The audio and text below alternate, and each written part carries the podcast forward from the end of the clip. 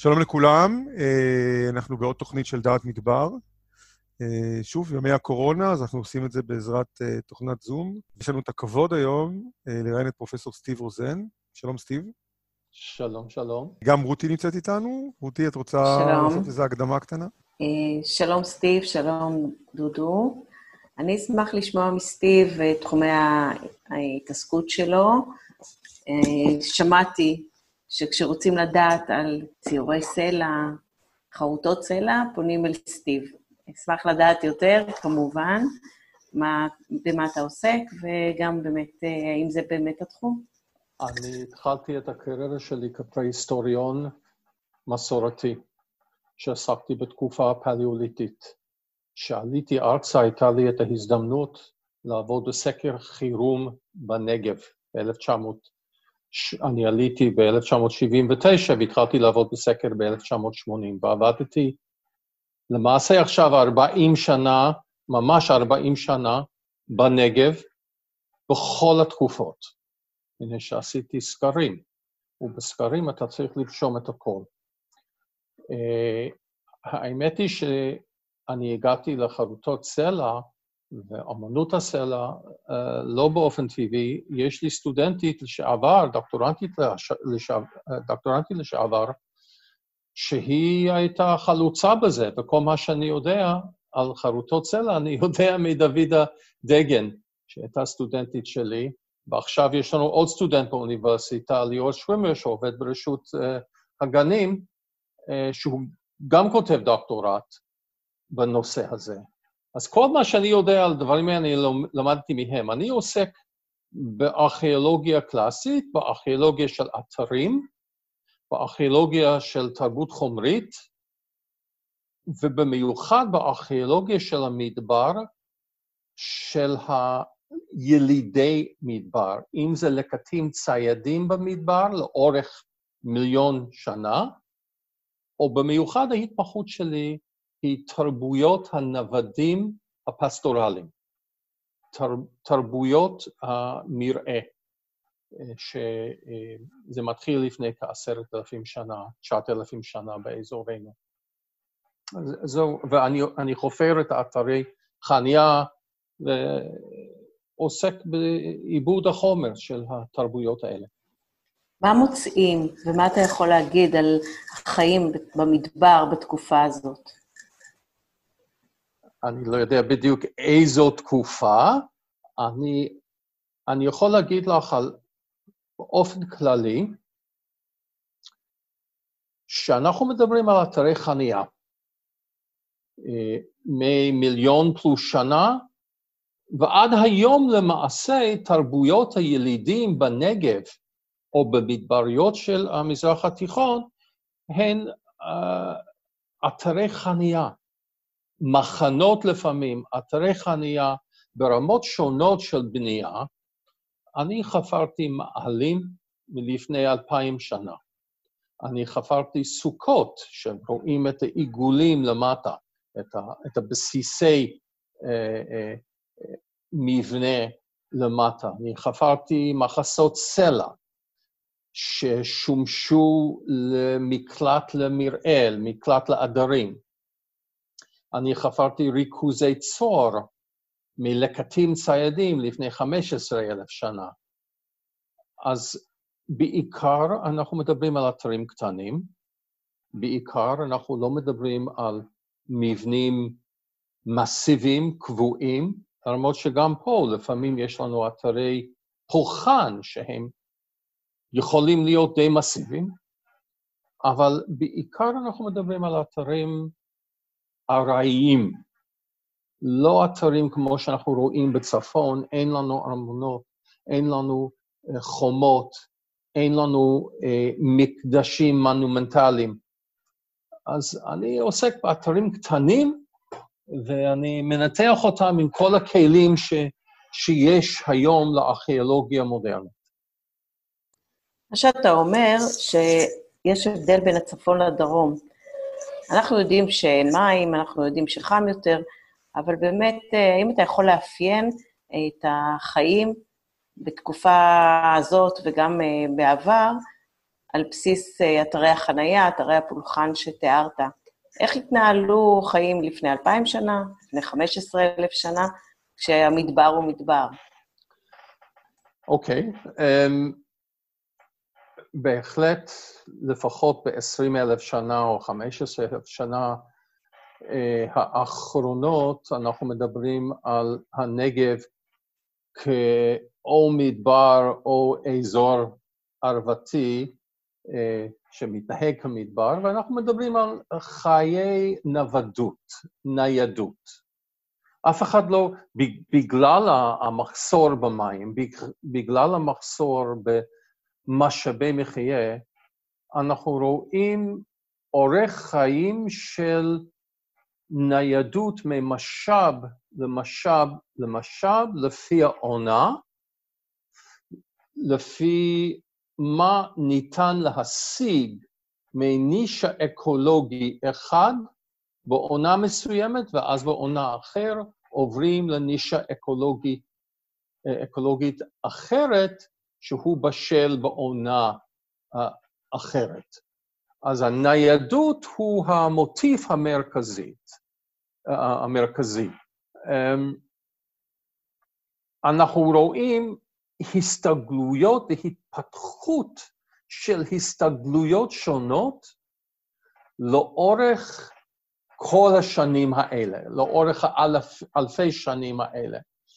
גם בתוך התקופה הפליאוליטית, גם בתקופות האבן, אנחנו רואים שינויים בהסתגלויות לפי הטכנולוגיה, לפי ארגון החברתי, לפי שינויים אה, סביבתיים ואקלימיים, ובאיזשהו שלב לפני כנגיד 9,000 שנה, אנחנו רואים לפעם ראשונה אימוץ העז המבוית לתוך שבטי המדבר, קבוצות המדבר, ואז אנחנו רואים גם התפתחויות בתוך המערכת הזאת.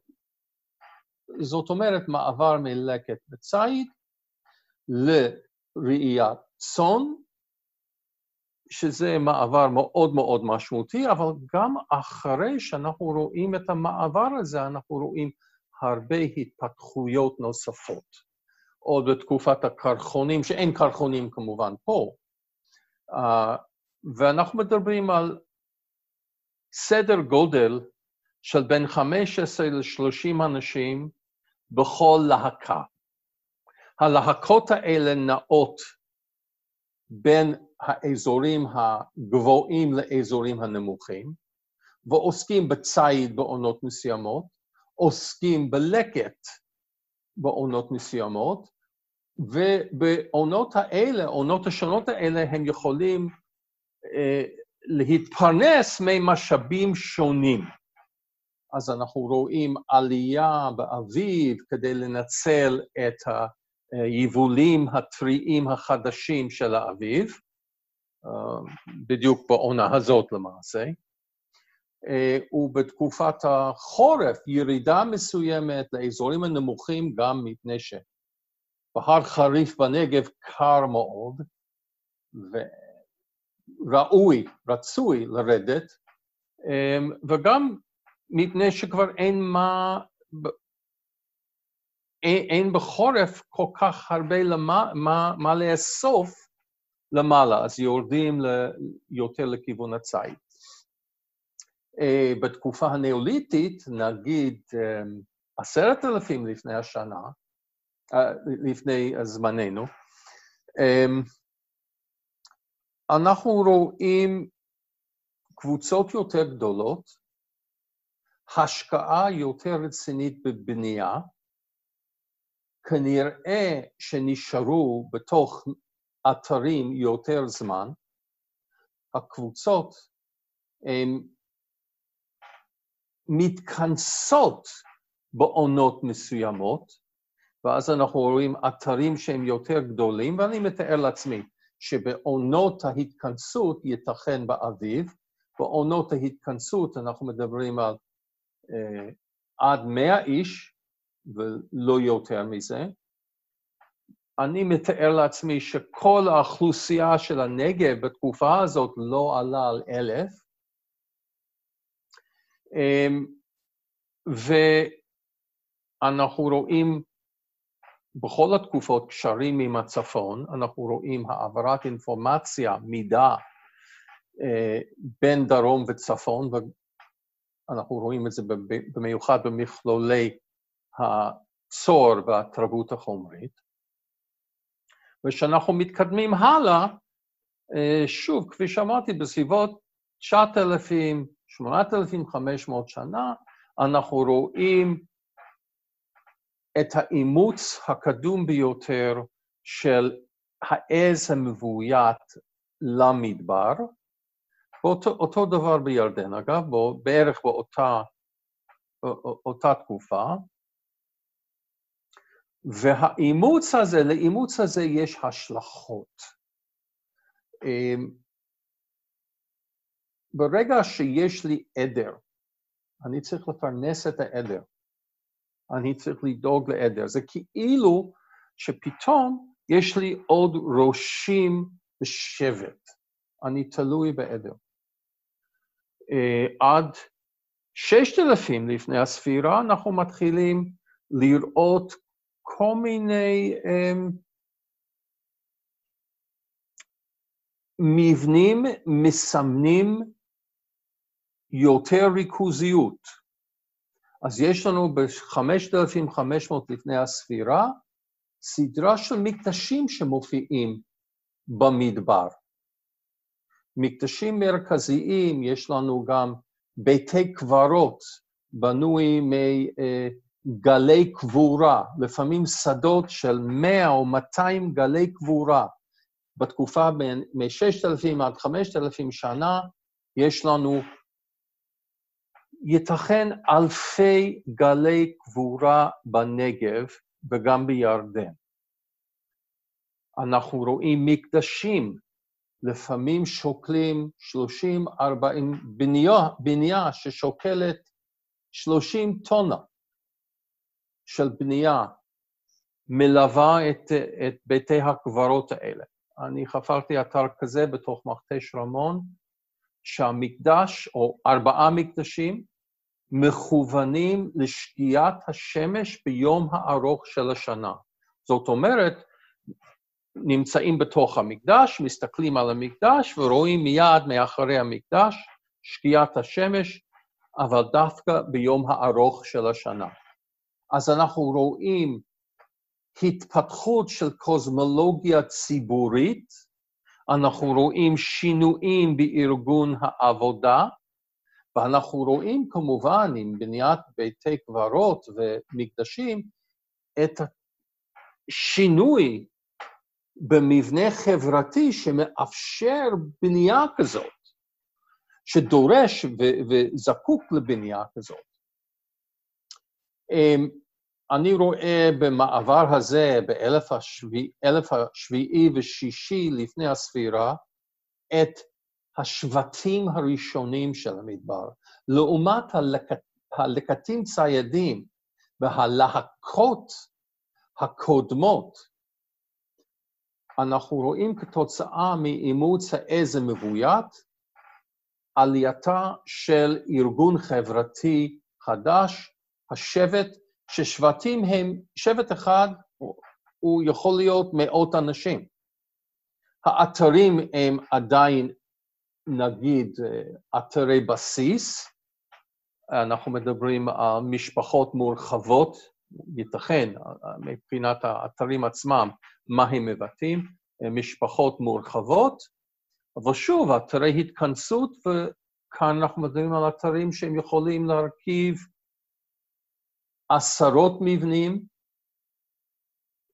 אה, אתר התכנסות, אתר של מאות אנשים לעונה מסוימת. אגב, זה, זה מתאים, מתאים היטב לתמונות אתנוגרפיות שיש לנו על נוודים רועים באזור ים התיכון, באזור המדבריות של המזרח הקרוב. אני רוצה לציין עוד דבר כאן. ההתפתחות החברתית לא נגמרת כאן. יש נטייה אה, לראות במעבר מלקט וציד לראיית צאן כמין מעבר סופי. אוקיי, עכשיו יש לנו נוודים פסטורליים, יש לנו בדואים. והקבוצות שאנחנו רואים לפני ששת אלפים שנה, שבעת אלפים שנה, הם לא בדואים. ההסתגלויות הן לא הסתגלויות של בדואים בכלל. ומה שאנחנו רואים, ולפרט קצת יותר כאן, שבסביבות, נגיד, ארבעת אלפים לפני הספירה, ששת אלפים שנה לפני זמננו, בתקופה שאנחנו רואים באזור המיושב את המטאלורגיה הראשונה, את עיבוד הנחושת וחיים כפריים לכל דבר, אנחנו רואים לאט לאט התפתחות קשרי מסחר אה, בין המדבר והיישוב הקבע. זה לא שלא היו קשרים קודם, תמיד היו קשרים, אבל עכשיו אנחנו רואים עלייה במגוון החומר שעובר מהמדבר ליישוב הקבע, וגם ההפך, וגם עלייה בכמות החומר. כמובן, החומר הכי בולט זה המתכת. מקורות הנחושת באזורנו, יש, יש לנו באזורנו שלוש מקורות נחושת. אחד דרום סיני, אחד אזור תמנה בסביבה, ואחד אזור פינן בירדן. בתקופות האלה, שלושת האזורים האלה הם אזורים נוודיים, הם אזורים מדבריים uh, למופת. והמסחר במתכת, בראשית המסחר במתכת, הוא בהחלט בידי הנוודים. אז יש לנו כאן התפתחות שלא ראינו קודם. יש לנו שינויים שהם שינויים לשני הכיוונים, ואנחנו רואים את ההשפעה על הנוודים. בסביבות שלושת אלפים לפני הספירה, שאנחנו רואים את הערים הראשונות בארץ המיושבת, אנחנו רואים את החברה המורכבת מתפתחת, אנחנו רואים תופעה מאוד מעניינת במדבר. אנחנו רואים, קודם כל בתקופה הזאת, סביב, שוב, סביב שלושת אלפים לפני הספירה, אנחנו רואים גידול אוכלוסייה וגידול במספר אתרים פי עשר ממה שהיה בתקופה הקודמת. אז למשל, באזורים שאני סקרתי, באזור מכתש רמון, איפה שבתקופה אלפים אה, שנה לפני זמננו, אני מצאתי שניים, שלושה אתרים. בתקופת הברונזה הקדומה, פלוס מינוס שלושת אלפים, אני רשמתי שלושים אתרים. וזה בתוך משבצת של מאה קילומטר מרובע. ואם אני מרחיב את זה, ואני בודק באזורים אחרים, אנחנו רואים בדיוק אותה, אותה תופעה. התפוצצות אוכלוסייה במדבר. עכשיו, מה שאנחנו רואים שהקשרים בתקופה הזאת הן, הקשרים עם הצפון הם קשרים הדוקים. אנחנו מתחילים לראות קרמיקה מהצפון בכמעט כל אתר בדרום, וגם קרמיקה מהדרום מופיע במוקד היחסים ערד. אנחנו רואים המשך של המסחר במתכת, ואנחנו רואים כל מיני חומרים אחרים שהפיקו במדבר ומגיעים לאזור המיושב. למשל, יש מסחר באבני שחיקה. אבני שחיקה שחומר הגלם שלהם נמצא בתוך מכתש רמון, ואנחנו מוצאים מאות אבני שחיקה מהחומר הזה, זה סוג של אבן חול, בעיר ערד. עכשיו, הקשור להתפתחויות האלה הוא ביות החמור, או אימוץ החמור המבוית. כנראה שהחמור בוית במצרים, אבל בדיוק באלף הרביעי לפני הספירה, אנחנו מתחילים לגלות בכמעט כל אתר בצפון חמורים.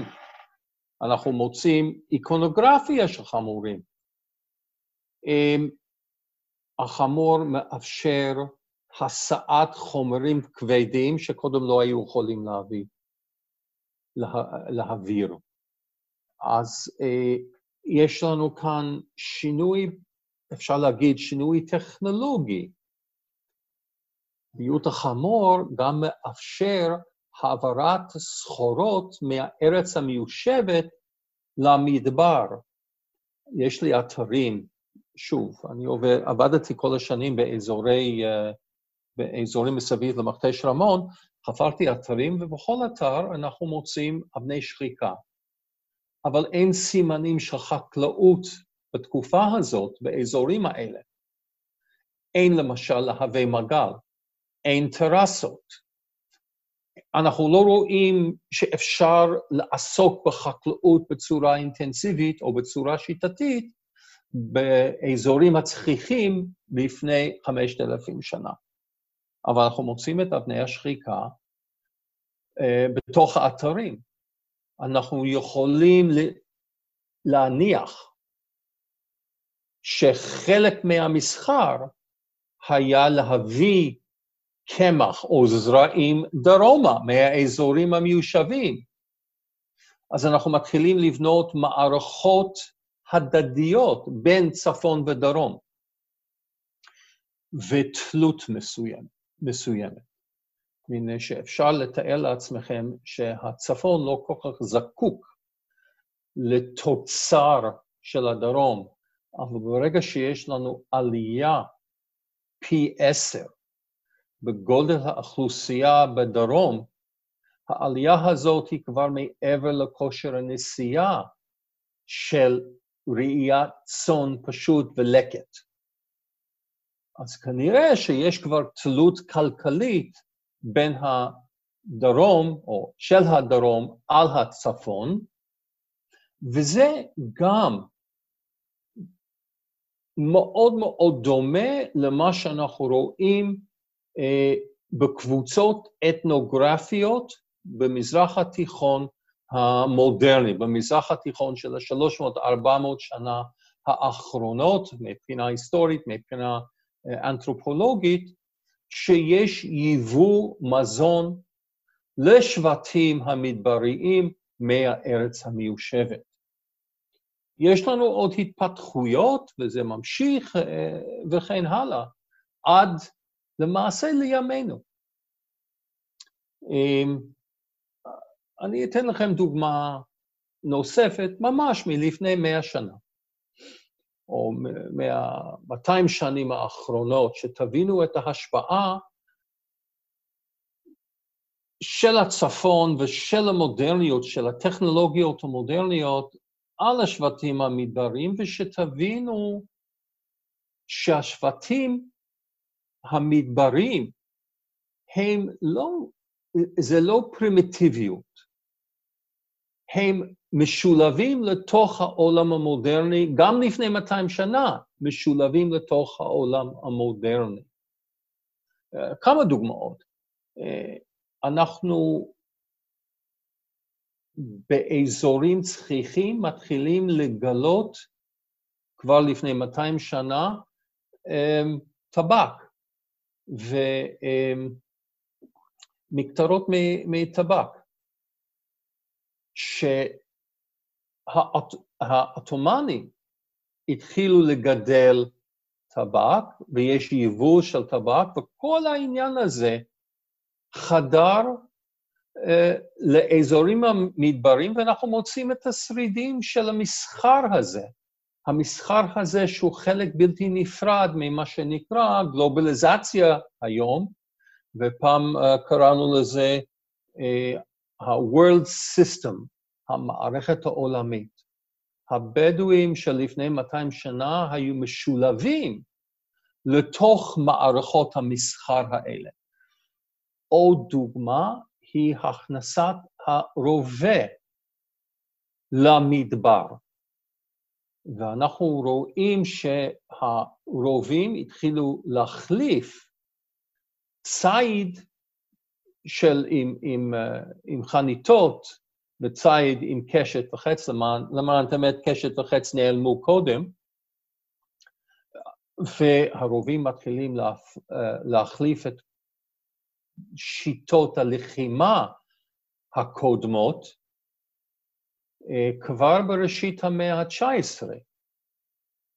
אה, עד סוף המאה ה-19 וראשית המאה ה-20, החדרת הנשק החם לשבטים הבדואים בנגב, במזרח התיכון באופן כללי, אה, גרם להכחדות של הרבה מינים והפחתה מאוד מאוד משמעותית מכמעט כל הפאונה במדבריות של, של המזרח הקרוב.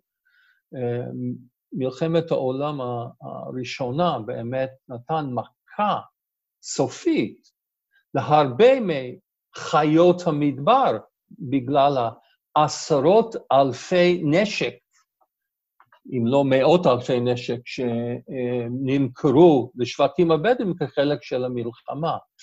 אלה דוגמאות פשוטות. יש עוד דוגמה מאוד מעניינת, שתבינו את ההתפתחות ואת האבולוציה של השבטים המודרניים דווקא. אה, בתקופה, אנחנו רואים את חדירת השבטים המודרניים של הר הנגב לאזורנו אה, בסביבות 1700 לספירה. שהם חדרו מירדן, בעיקר מירדן, אה, כנוודים רועים, גמלים, עז וכבש. לקראת סוף המאה ה-19 אנחנו מתחילים לראות ראשית ההתיישבות, תהליכי התקעבות, התיישבות, וראשית החקלאות המדברית. וכאן יש תופעה מאוד מעניינת. הם, השבטים האלה מתחילים לאבד את השרידים מהתקופה הקלאסית, את הטרסות במדבר, לאבד, לאמץ אותם לשנ, ולשנות אותם להתאמת הצרכים שלהם.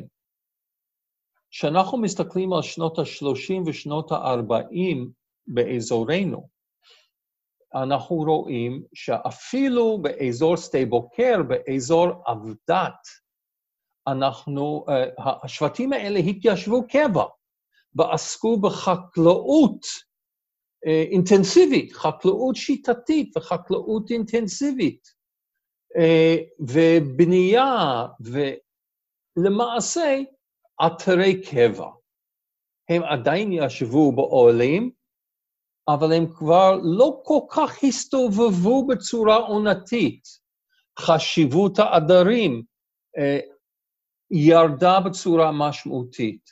אנחנו רואים עיבוד קמח, אנחנו רואים מערכות חקלאיות, וזה נורא מעניין לראות איך הם שינו, איך הם תיקנו את המערכות הביזנטיות מלפני 1,500 שנה קודם, אה, להתאמה שלהם, להתאמה של משפחות ומשפחות מורחב, מורחבות לעומת המדינה או האימפריה הרומית.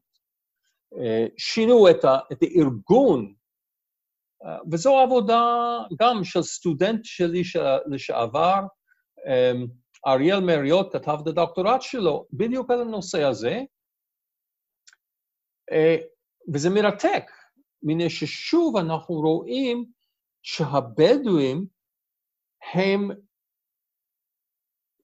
די מצליחים לתאם את עצמם לשינויים חברתיים, לשינויים טכנולוגיים, והם משולבים לתוך הזמנים המודרניים לא פחות מאיתנו, אבל הם גרים במדבר.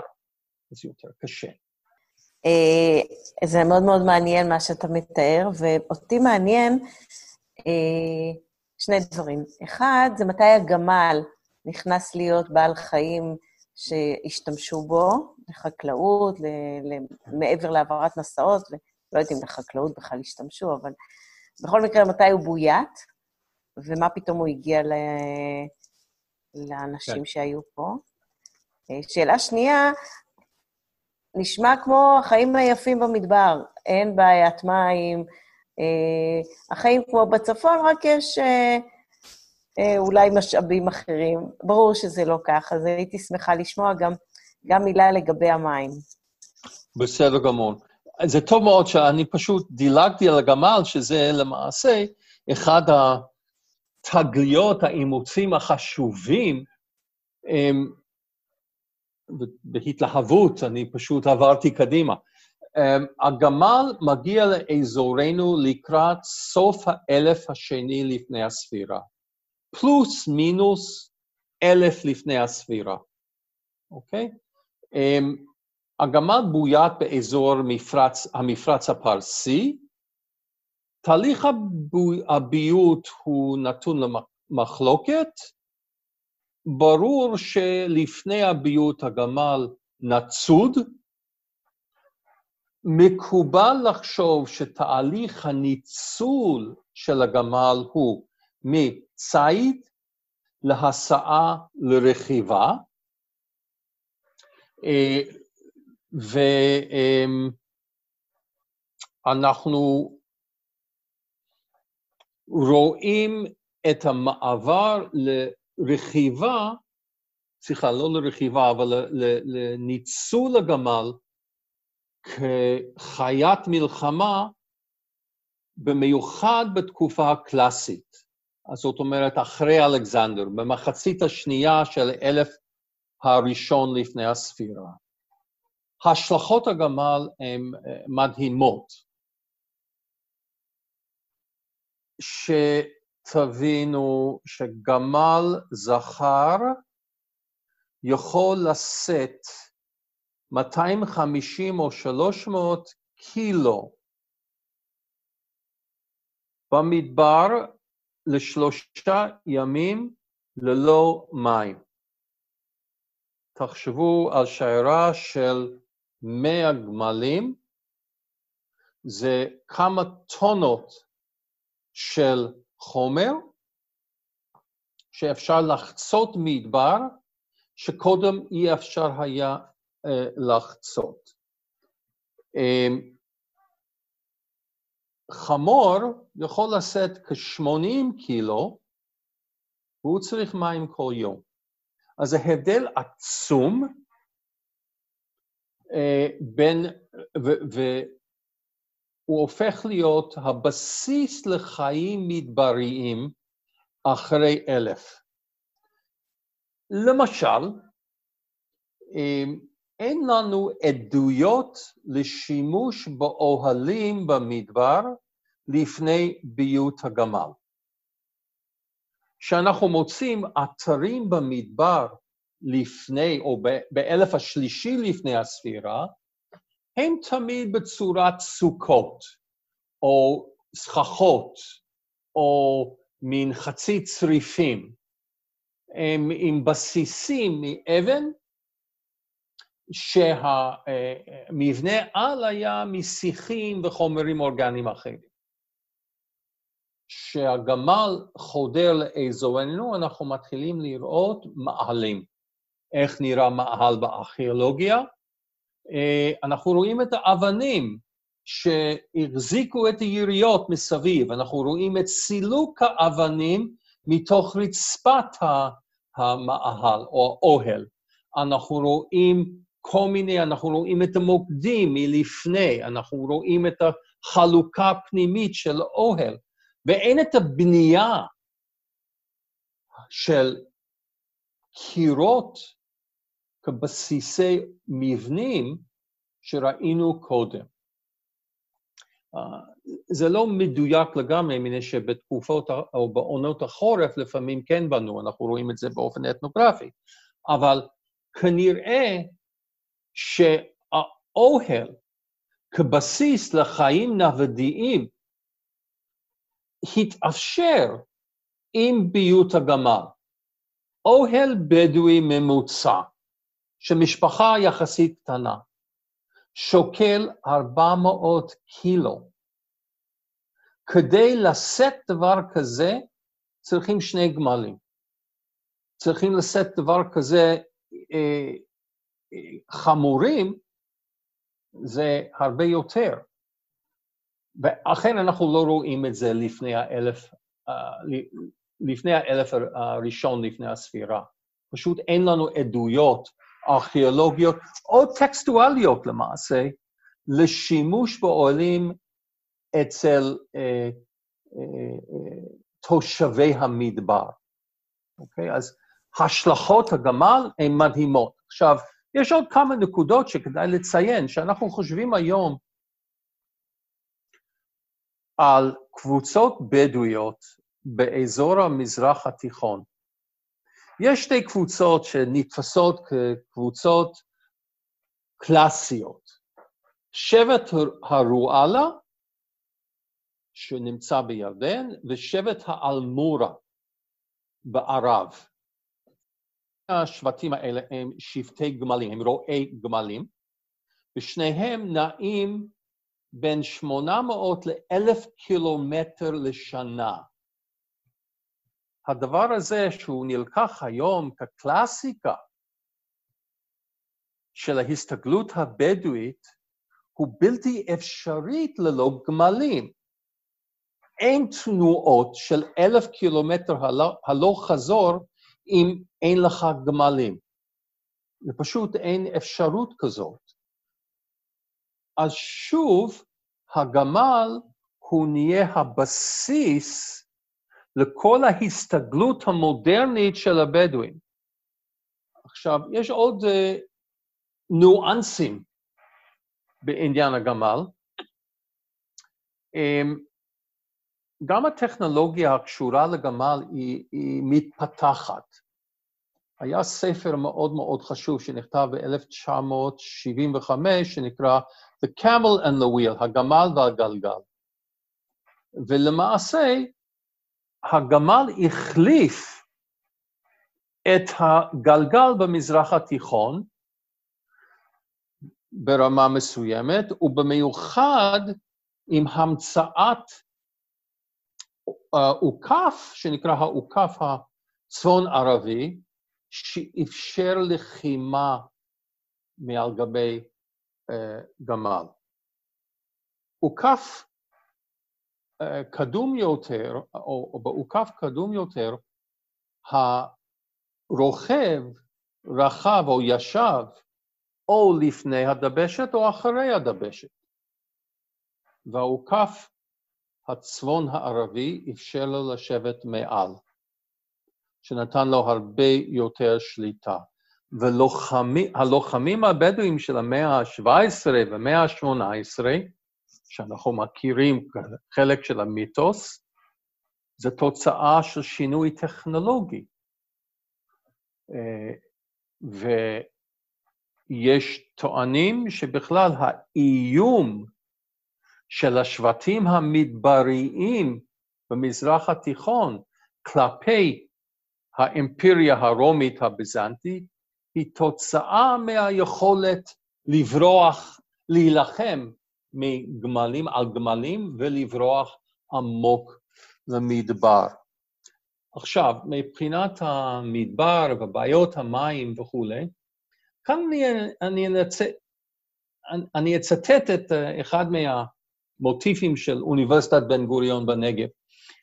אנחנו שיושבים באזורים מיושבים, באזורים מבורכים במים, רואים את המדבר ורואים את החסרונות. אמ, אוניברסיטת בן גוריון הופכת את זה ואומר, רגע, רגע, יש דברים שניתן לנצל במדבר, שהם יותר טובים במדבר. למשל, באזור שדה בוקר יש 340 פלוס יום לשנה של שמש. זה לא שמש של אנגליה, שאם יש להם שעה אחת של שמש, זה נחשב כיום של שמש. אנחנו מדברים על שמש כל היום. תחשבו על אנרגיה סולארית. גם בתקופות הקודמות או הקדומות, המדבר מאפשרת לנו גישה לחומרי גלם שלא קיים, הסתגלויות המדבר, עובדה שיש לנו הסתגלויות במדבר. אתה פותרים את בעיית המים תוך כדי ניידות. ועם התוצר של המדבר אפשר להתפרנס. בונים פילוסופיות של החופש, של החירות של המדבר, המצדיק את החיים במדבר, מפני שמסתבר שנכון, בשביל החקלאי, מחסור המים, חוסר המים, הוא מאוד בעייתי, אי אפשר לעסוק בחקלאות במדבר. אה, למי שלא עוסק בחקלאות, הוא מצא פתרונות אחרים. Uh, אני אזכיר כמובן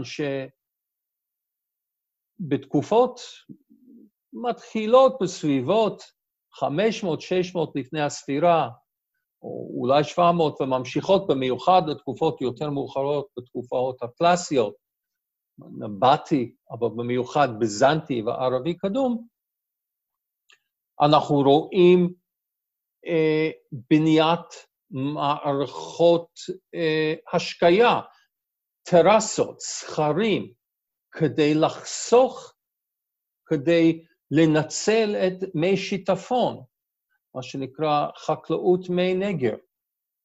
חקלאות מי נגר הייתה חקלאות מאוד יעילה, שבתקופה הביזנטית אפשרה גידול ענבים במדבר. ענבים, זיתים אה, ופירות אחרות, וחיטה וסעורה, והערים מהתקופה הקלאסית, הערים הביזנטיות, וגם הכפרים מראשית האסלאם, הם התבססו על חקלאות במדבר, בניצול מי נגר. חקלאות מי נגר, חקלאות מאוד מאוד יעילה, ואנחנו רואים שבשנות ה-20 ושנות ה-30-40 של המאה ה-20, הבדואים המודרניים גם התפרנסו ועוד שגשגו על בסיס החקלאות הזאת. אז יש גם פתרונות מהכיוון הזה, שניתן אמ, לראות. מחסור המים זה דבר ש, שניתן לפתור, הוא לא קטלני, הוא לא, אה, הוא לא אנחנו רואים אותו כהבעיה, אבל פתרו את הבעיה. רציתי להודות לך בשיחה הזאת, שהייתה מאוד מאוד מעניינת ומאוד מרתקת. אנחנו... אני מודה לכם על ההזדמנות. בשבילי זו... אני מתלהב ממה שאני עושה, אם לא שמתם לב. אם אני לא הצלחתי לשדר את זה, אז אני נכשלתי. לגמרי זה עבר. לגמרי זה עבר. עבר, אני אמרתי, למה לא למדתי ארכיאולוגיה? להזכיר לכם, השיחות שלנו נמצאות אה, מוקלטות גם באתר מדבר.org, גם בספוטיפיי וגם באייטיונס, ונשמח אם אה, תמשיכו לעקוב אחרינו. סטיב, תודה רבה לך. בשמחה רבה. תודה רבה.